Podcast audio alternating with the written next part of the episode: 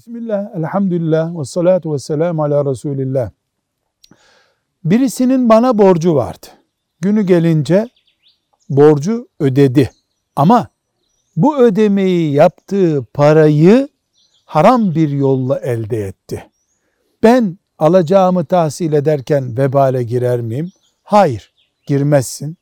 Sen alacaklığın alacaklı olarak borçlunun parayı nereden bulduğunu araştırmak zorunda değilsin.